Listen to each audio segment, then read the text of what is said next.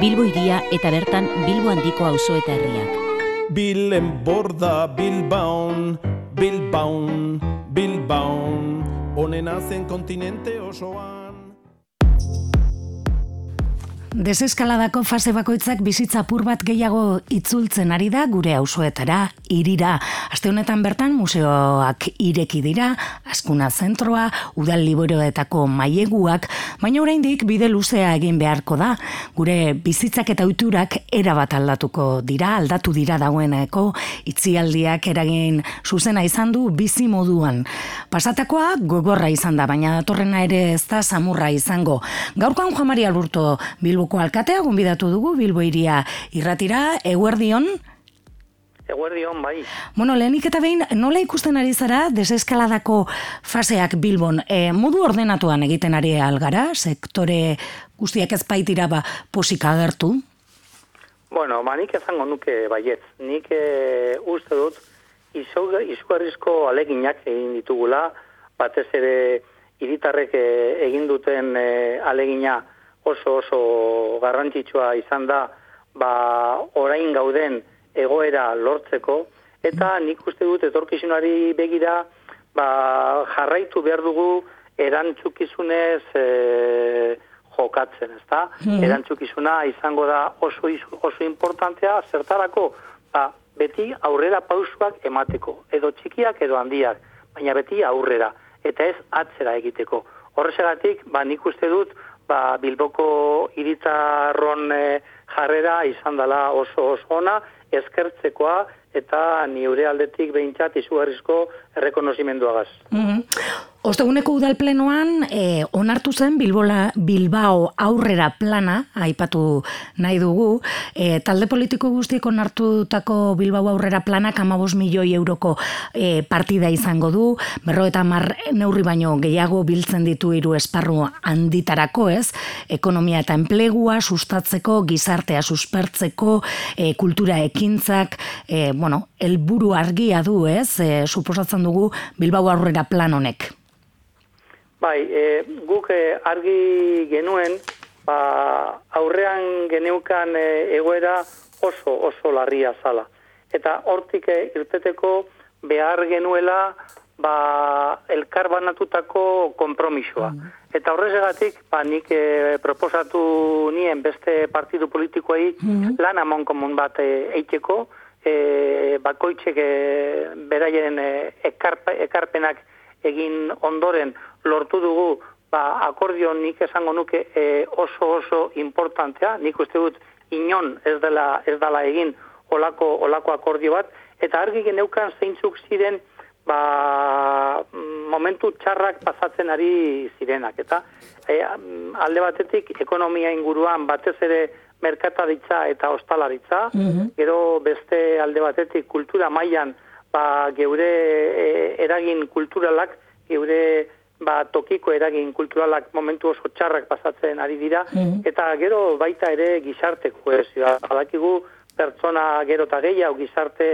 ero mm, bai, bazterkeriaren e, e, arriskuan dauzela, eta geure babesa behar dute ba, duintasuna mantentzeko eta e, etorkizunari begira egoera horretatik irteteko. Horrezegatik egin genuen esportzu hori eta lortu genuen akordio neutzako behintzat oso berezia. Mm Bueno, nahikoa izango da, izan ere datorrena, ba, ematen du oso gogorra izango dela, Bilbon eta bueno, e, leku guztietan, e, plan hau egiteko diagnostiko bat eginda nola dagoen gaur egun sektore bakoitza ez, e, bueno, aipatu duzu bat, komertzioa eta orte, ostelaritza, asko ez dute oraindik ere ateak ireki ez, oraindik ere pertsiena asko bean ikusten e, ditugu, bueno, oraindik ere bigarren fasean gaude, ematen du astelenean, agian, ondo badoan, ondo bidean, irugarren fase horretara e, e, igaroko garela, e, e, nahikoa izango da e, berpisteko?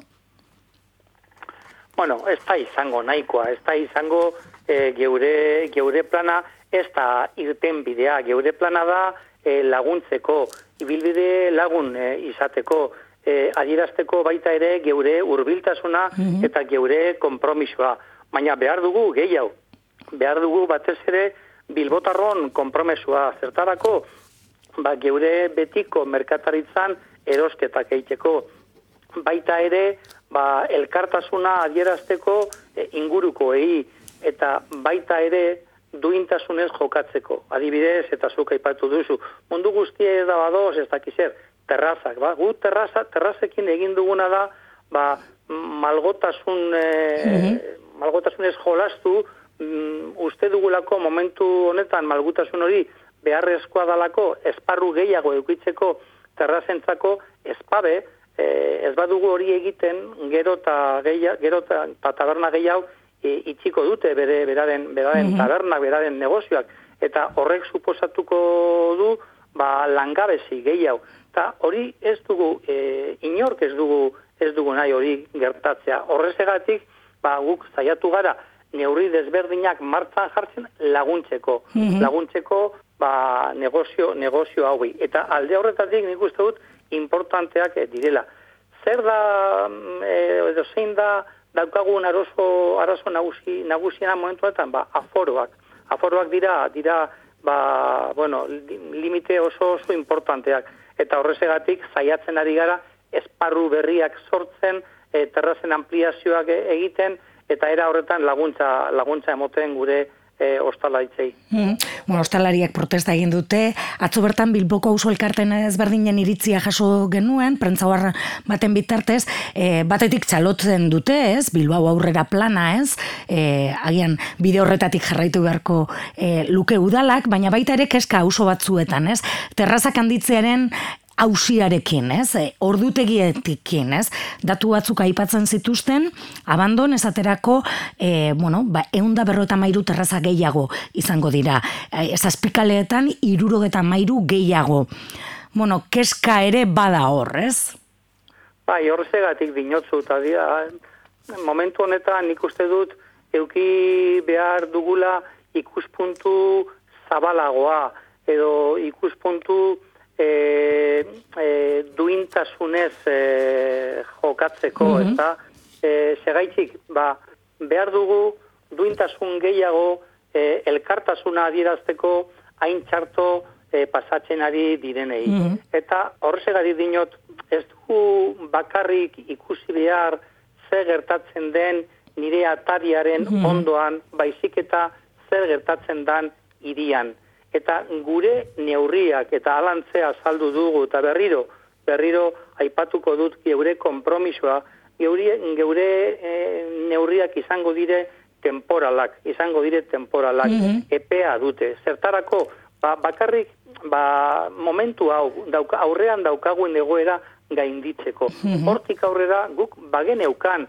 eta e, auzokoen e, elkarteak bazen egiten guk bageneukala ba, plan director de terrazas mm. martzan jartzeko eta ba, kudeak eta e, hori egiteko, ezta? Baina mm. momentu honetan uste dut e, bueno, behar dugula duintasun hori ba, e, laguntza emateko hain txarto pasatzen ari direnei.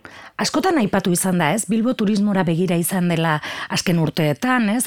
Orain hori geldirik dago eta ematen du, ba, egongo dela gutxienez da honetan, e, galera ekonomikoa ere karri dezake hiriaren zatori? Ba, du, duda barik, momentu honetan gure produkto bardinen e, inguruan e, mm, turismoa suposatzen dugu e, euneko 6,5 edo, ezta? Mm Horrek esan nahi du, e, produkto gordin horretan jeitzidera badago geure ekonomia, e, bueno, geure ekonomiak dirua galduko, galduko duela, eta horrek suposatzen dugu, ba, langabezi tasa e, igoko, igoko dala, ezta?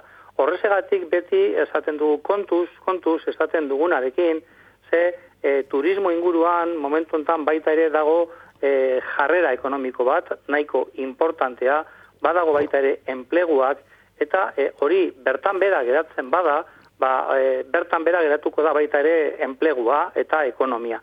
Horrezegatik guk e, egiten ari garena da, bueno, guk bakigu momentu enten e, kanpotik ez dira etorriko jendea, edo ez dira etorriko behintzat jende asko, eta guk, e, bueno, mm, sustatu behar dugu mhm. inguruko turismoa, barneko turismoa. Eta hori da geure, geure asmoa momentu, momentu honetan. E, turismoa pizteko apurbet, hor baita ere jarri dugu martxan ba, neurri bat turismo bonoak e, martzan jartzeko, eta gure, geure asmoa kasunetan baita ere da ba, laguntza ematea e, hain garrantzitsua den sektore, sektore, sektore horri. Eta nik uste dut beharrezkoa dela, eta guztion, guztion, e, guztion e, pentsamendua izan da, ze guztion artean egin dugu, egin dugu plana. Horrek esan nahi du, askotan, naiz eta diskurtzu desberdinak euki, askotan kapaz garela, ba, akordio bat lortzeko eta e, kasu honetan, bueno, egoera oso oso larrian gaudelako segurazki izan da. Eta baina nik azpimarratuko nuke hori, mm, izan garela kapaz akordio lortzeko baita ere, baita ere e, turismo inguru honetan, ez da? Mm Adituek diote, aipatu duzu ere, krisi handi baten aurrean gaudela, e, dagoeneko ere baziren lehendik, ez, pobrezia datu e, aipagarri batzuk, bilboko auzo batzuetan, alimentu bankuak gainezka ikusi ditugu e, leku konkretu batzuetan, e, horrek suposatzen dut keskandia sortuko duela. E, bueno, aurretik ere bazegoelako e, auzo ezberdinetako ezberdintasuna pobreziari dagokionez. Horre ere, e, ekingo du Bilboko udalak? Bai, zein iditan, ez da, zein iditan e, ez da e, pobrezia edo e, berdintasun eza edo behar izan, ez da. Eta geurea bebai, eta egia da e, krizia baino lehen, bazeuden, bazeuden, e, bueno, olako, olako e, egoerak, eta guk bagene ba, bageunden ba, geure politikak garatzen ba, gizarte koesioa lortzeko. Guk mm beti esan dugu geuretzako eh, helburua da hiri orekatuta eukitzea eta orekatuta ekonomia eta gizarte koesioen arteko lortutako oreka. Ezta? Guk ez dugu ulertzen e, jarrera ekonomikoa ba, gizarte koesio barik, baina gizarte koesioa mantentzeko baita era beharrezkoa da jarrera ekonomikoa potente ukitzea.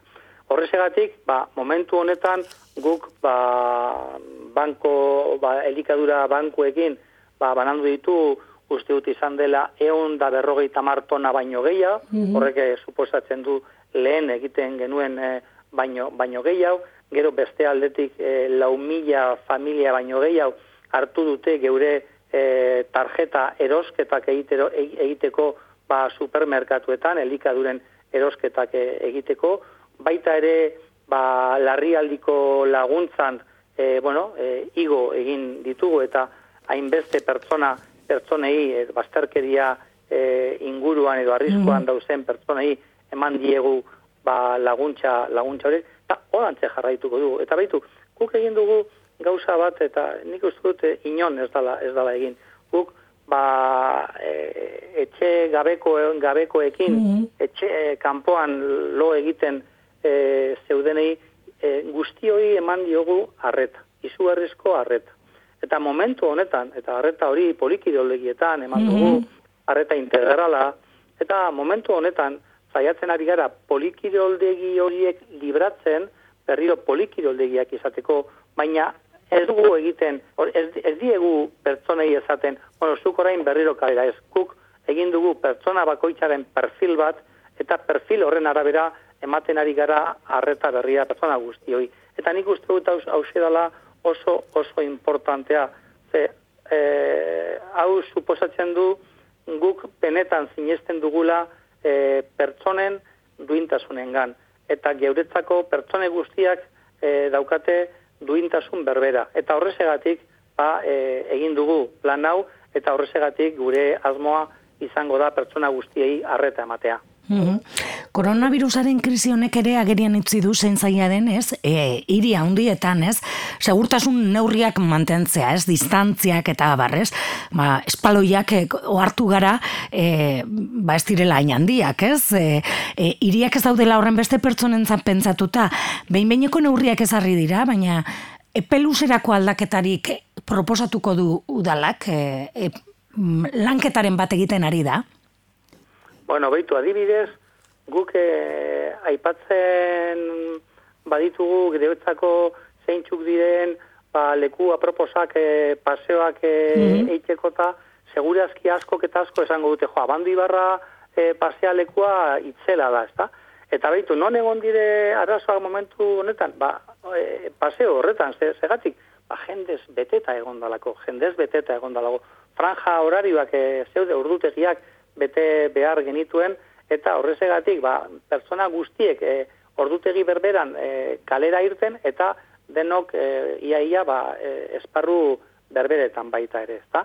Horrezegatik, bueno, guk zabaldu genituen esparru gehiago oine, oinezkoentzako, egun da hogei mila metro karratuko esparruak izan dira, eta geure asmoa izango da, eta hori bai etorkizuna begira, guk e, berreskuratu behar ditugu esparru berriak oineko entzako. Hori e, dudabarik, dudabarik e, Bilbo hiri txikia da, eta e, iria ba, eraiki behar dugu e, pertsonak euki beti helburu eta e, geuretzako iria izan behar da pertsonentzako no, duda barik.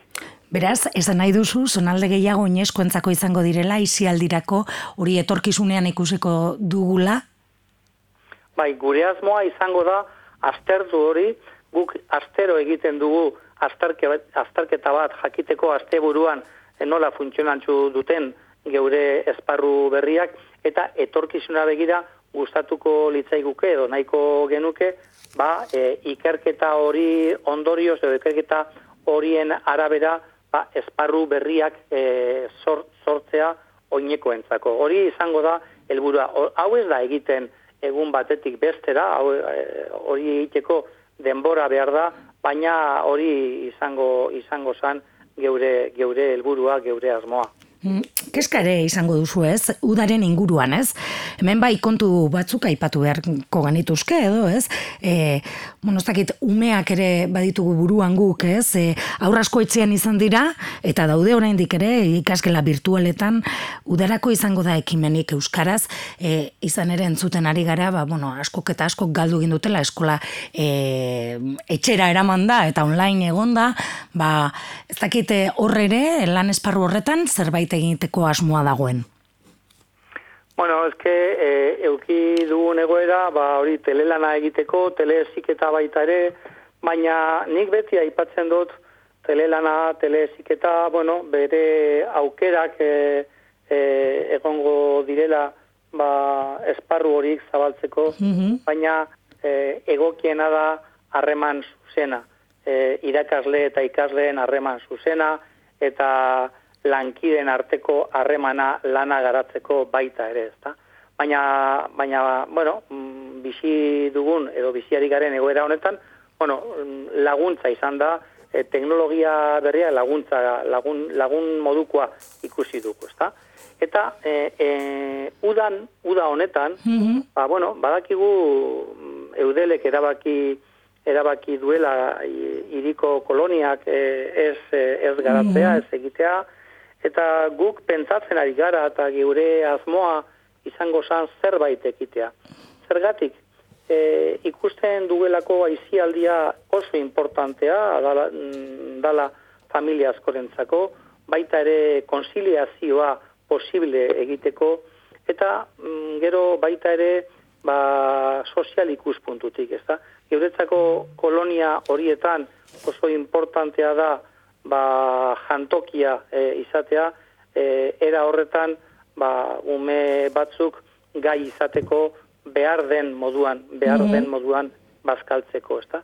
Eta, bueno, lantzen ari, ari gara, e, erroteta zinegotxiaz e, e, nabil lanean asunto horretan, eta nik uste dut bilboko udala, e, naiz eta eudelen e, erabakia, mm zaiatuko, zaiatuko gara, mm, zerbait egitea, zerbait egiten e, Bilboko esparru desberdinetan ba, umei, umei aukera emoteko. Mm Bueno, uda, ipatu dugu ez, badakigu dagoeneko BBK Life atzeratuko dela, gau zuria ere urrian ospatuko da, aste nagusirik ez da izango, Baina bada planik, e, auzoetako jai asko ere izaten dira e, udan, e, bueno, beste hilabete batzuetan, ustaia, ekaina, horrekin harremanak dituzue, zein proposamen duzu euskutartean aizialderako, Baekit beti ere, e, bueno, kontutan neuki beharko dala, ez? E, osasun krisia nola doan, ez? E, faseak aurrera eta ondo zenbakiak ondo ematen baduten, ez? Baina badu baduzue planik? Bai, hori importantea da. Ba, osasun ikuspuntua beti izan da izan behar da lehena, baita ere uda, uda honetan, eta gero hortik aurrera ikusi behar du zer egin, zer egin dezakegun, ezta?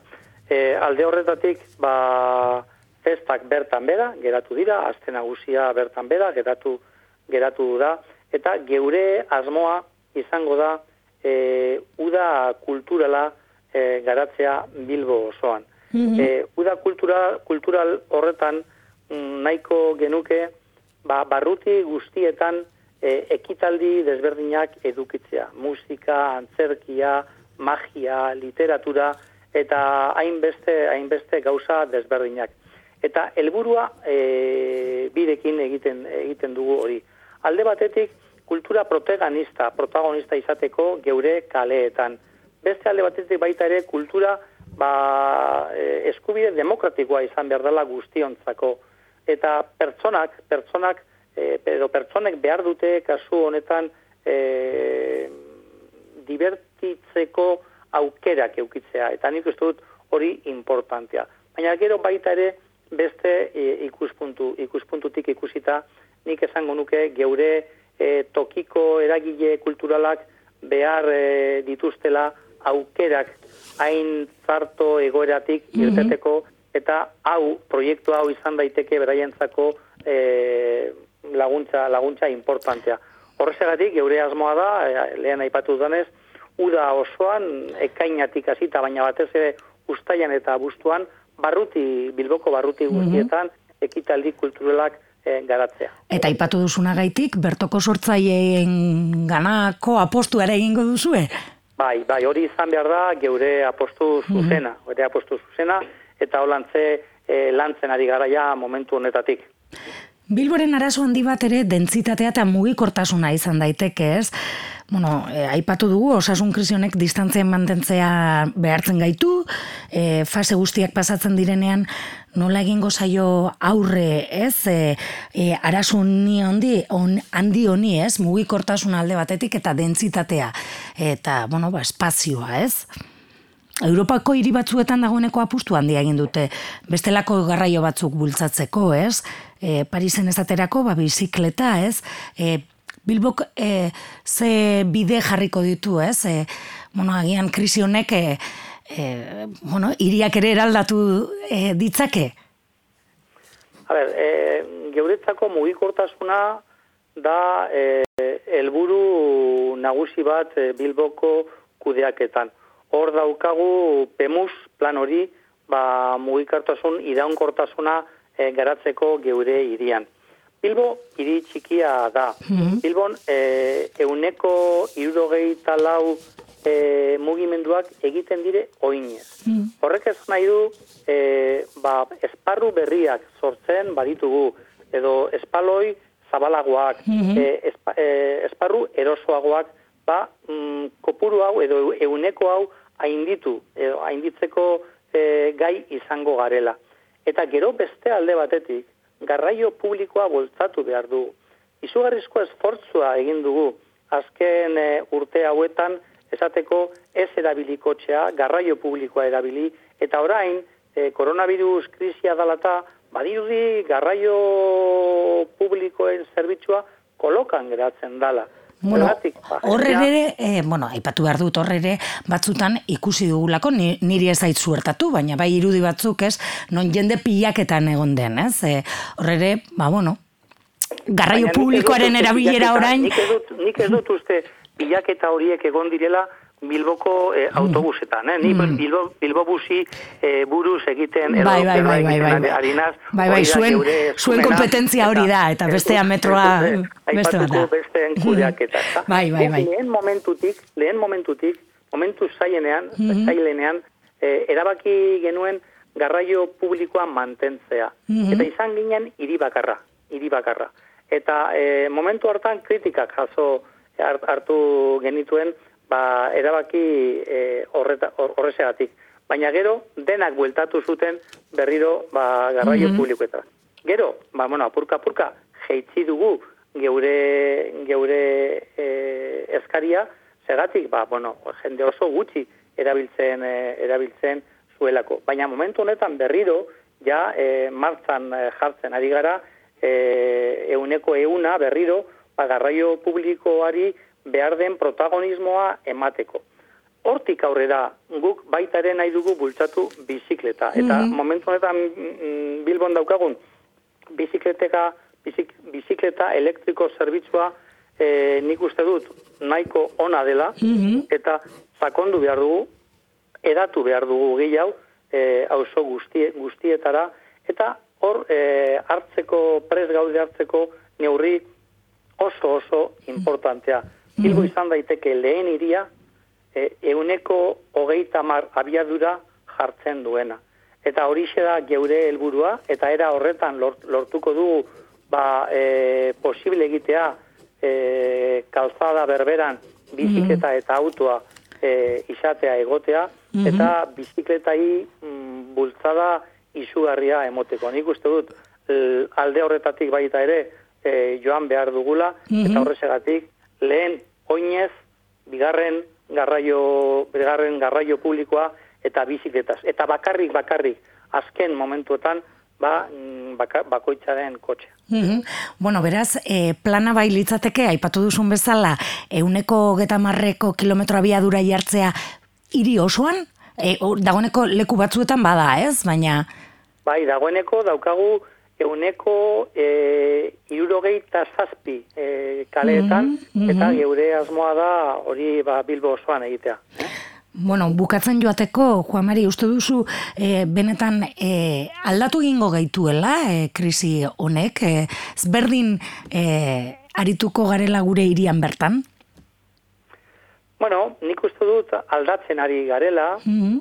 nik uste dut berreskut, berreskuratzen ari garela ohitura batzuk, neutzako onak direla, adibidez elkartasuna, adibidez, e, bueno, e, inguruko e, merkataritza e, erabiltzea, baita ere ba, inguruko jendea agurtzea, eta olako, olako itxurak nik uste dut oso positiboak direla. Baina horrek ez du esan nahi, horrek ez du esan nahi, ba, geure bizitza e, tristeagoa izango dela, ezta? Nik uste dut, e, bueno, mm, kostatuko zaigula egoera honetatik irtetea, e, apurka-apurka egingo dugula, horrezegatik aurrera pausoak ematea oso oso importantea da, baina nik uste dut azkenean hau e, ba, asuntu, e, osasun asuntua bada, eta nik uste dut ba, dala, ba, azkenean zientzia, medizina, gaindituko, gaindituko duela virus, virus, virus hau, eta era horretan lortuko dugu berriro ba, berreskuratu ba, geure adibidez, geure sozializia, sozializazio modua, eta geure sozializazio, so, so, sozializazio modua da, kalean egotea, tabernetan egotea, jendeekin egotea, eta nik uste dut kaleak berreskuratu behar e, ditugula e, pertsonentzako, eta mm, ba, etorkizunera begira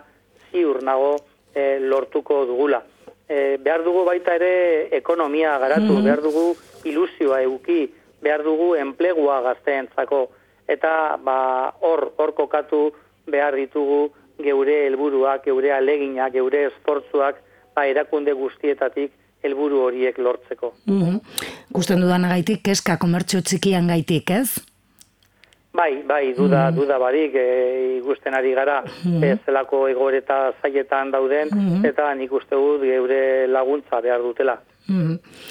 Bueno, ba, hementxe utxiko dugu, eskerrik asko, gaur Bilbo iria irrateko galderak erantzun izanagaitik, eta jarraituko du ere, bueno, ba, Bilboko udaleko erabaki hoien berri ematen eh, gurean. Eskerrik asko, urrengo batera arte. Eskerrik asko, uda kultural honetan ikusiko gara. Ederto, oso ondo, mila esker, agur.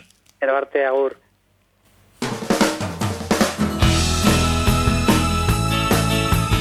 Bilbo irian, herritarren hitza eta bizitza.